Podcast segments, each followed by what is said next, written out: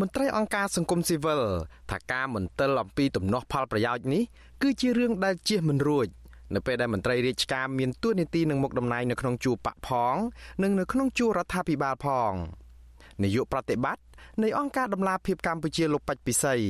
ថាប្រជាពលរដ្ឋមួយចំនួនពិតជាមានចម្ងល់រួមផ្សំនឹងការមន្ទិលផងថាតើមន្ត្រីរាជការបានប្រាក់មកពីណា ដើម្បីធ្វើចិត្តល្អបរិច្ចាគប្រាក់ខែរបស់ខ្លួនទាំងស្រុងច្រើនខែ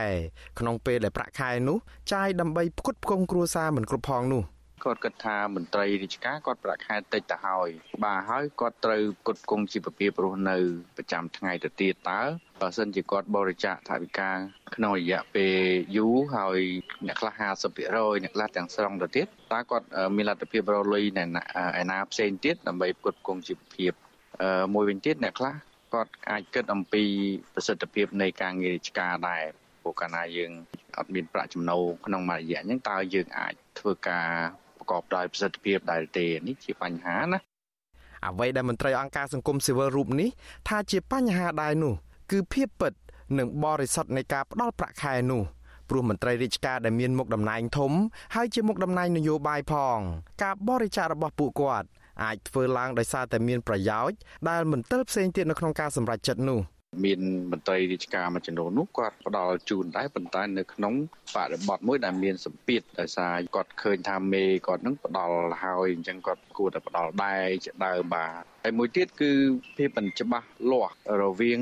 មន្ត្រីសាធារណៈដែលបម្រើប្រយោជន៍សង្គមប្រយោជន៍សាធារណៈហើយនិងមន្ត្រីនយោបាយដោយសាររចនាសម្ព័ន្ធបករបស់ យើង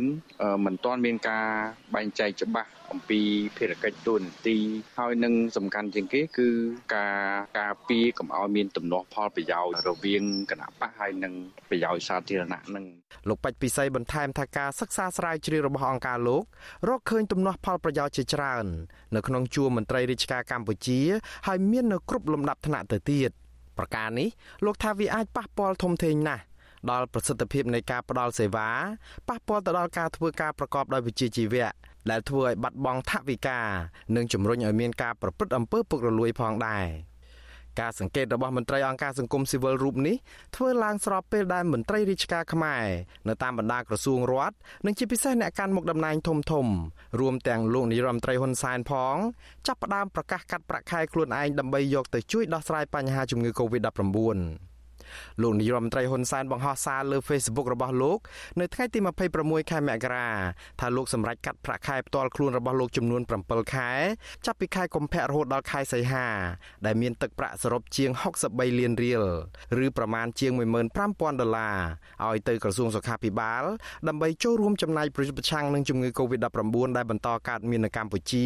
និងបន្តរីករាលដាលនៅក្នុងពិភពលោក។ ចំណែកឯមន្ត្រីក្រាក់ក្រាក់មួយចំនួនដែលខ្លះជាប់ឈ្មោះនៅក្នុងបញ្ជីពុករលួយនិងរំលោភសិទ្ធិមនុស្សវិញពួកគេក៏នាំគ្នាប្រកាសកាត់ប្រាក់ខែជាបន្តបន្ទាប់ជូនទៅក្រសួងសុខាភិបាលតាមលោកហ៊ុនសែនជាថ្មីម្ដងទៀតដែរកាលពីដើមខែមេសាឆ្នាំ2020លោកហ៊ុនសែននិងមន្ត្រីរាជការតាមក្រសួងស្ថាប័នផ្សេងផ្សេងក៏បានប្រកាសបរិច្ចាគប្រាក់ខែរបស់លោកចំនួន7ខែម្ដងរួចទៅហើយដើម្បីប្រយុទ្ធប្រឆាំងនឹងជំងឺ Covid-19 នេះ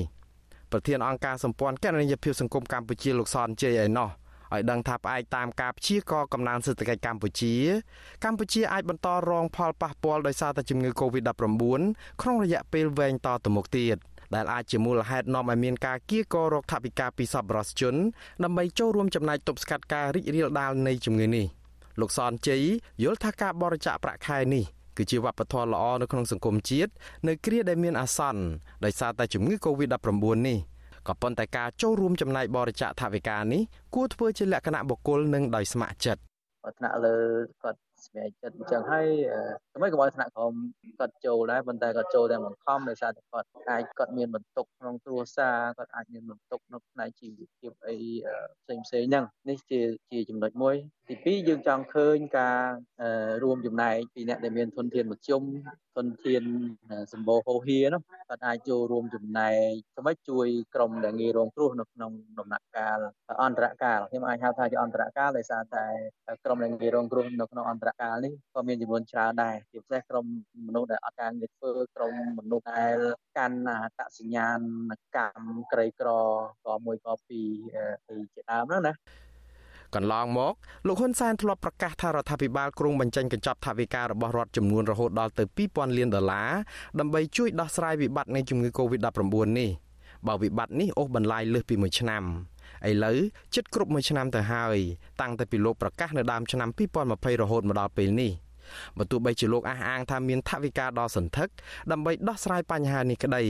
លោកហ៊ុនសែនបែរជាគៀកោរកអ្នកបរិច្ចាគដើម្បីជួយទៅវិញទោះជាយ៉ាងនេះក្តីតាមការគៀកោរបស់លោកហ៊ុនសែនលោកប្រមូលប្រាក់បរិច្ចាគពីមន្ត្រីក្រាក់ក្រាក់និងអ្នកមានស្ដុកស្ដំដែលស្និទ្ធនឹងរបបលោកបានជាង56លានដុល្លារដែលថាទុកទិញវ៉ាក់សាំងការពារជំងឺ Covid-19 មន្ត្រីអង្គការសង្គមស៊ីវិលស្នើជាយោបល់ថាដើម្បីកាត់បន្ថយភាពមន្ទិលនិងទំនាស់ផលប្រយោជន៍នៅក្នុងជួរមន្ត្រីរាជការ និងដំណាភាព ជាកិច្ចការចាំបាច់គឺរដ្ឋាភិបាលត្រូវតែរៀបចំជាគោលនយោបាយឬយន្តការជាក់លាក់នៅក្នុងការទប់ស្កាត់បញ្ហានេះខ្ញុំបាទមួងណារ៉េត With you Azizi Saray ពីរដ្ឋធានី Washington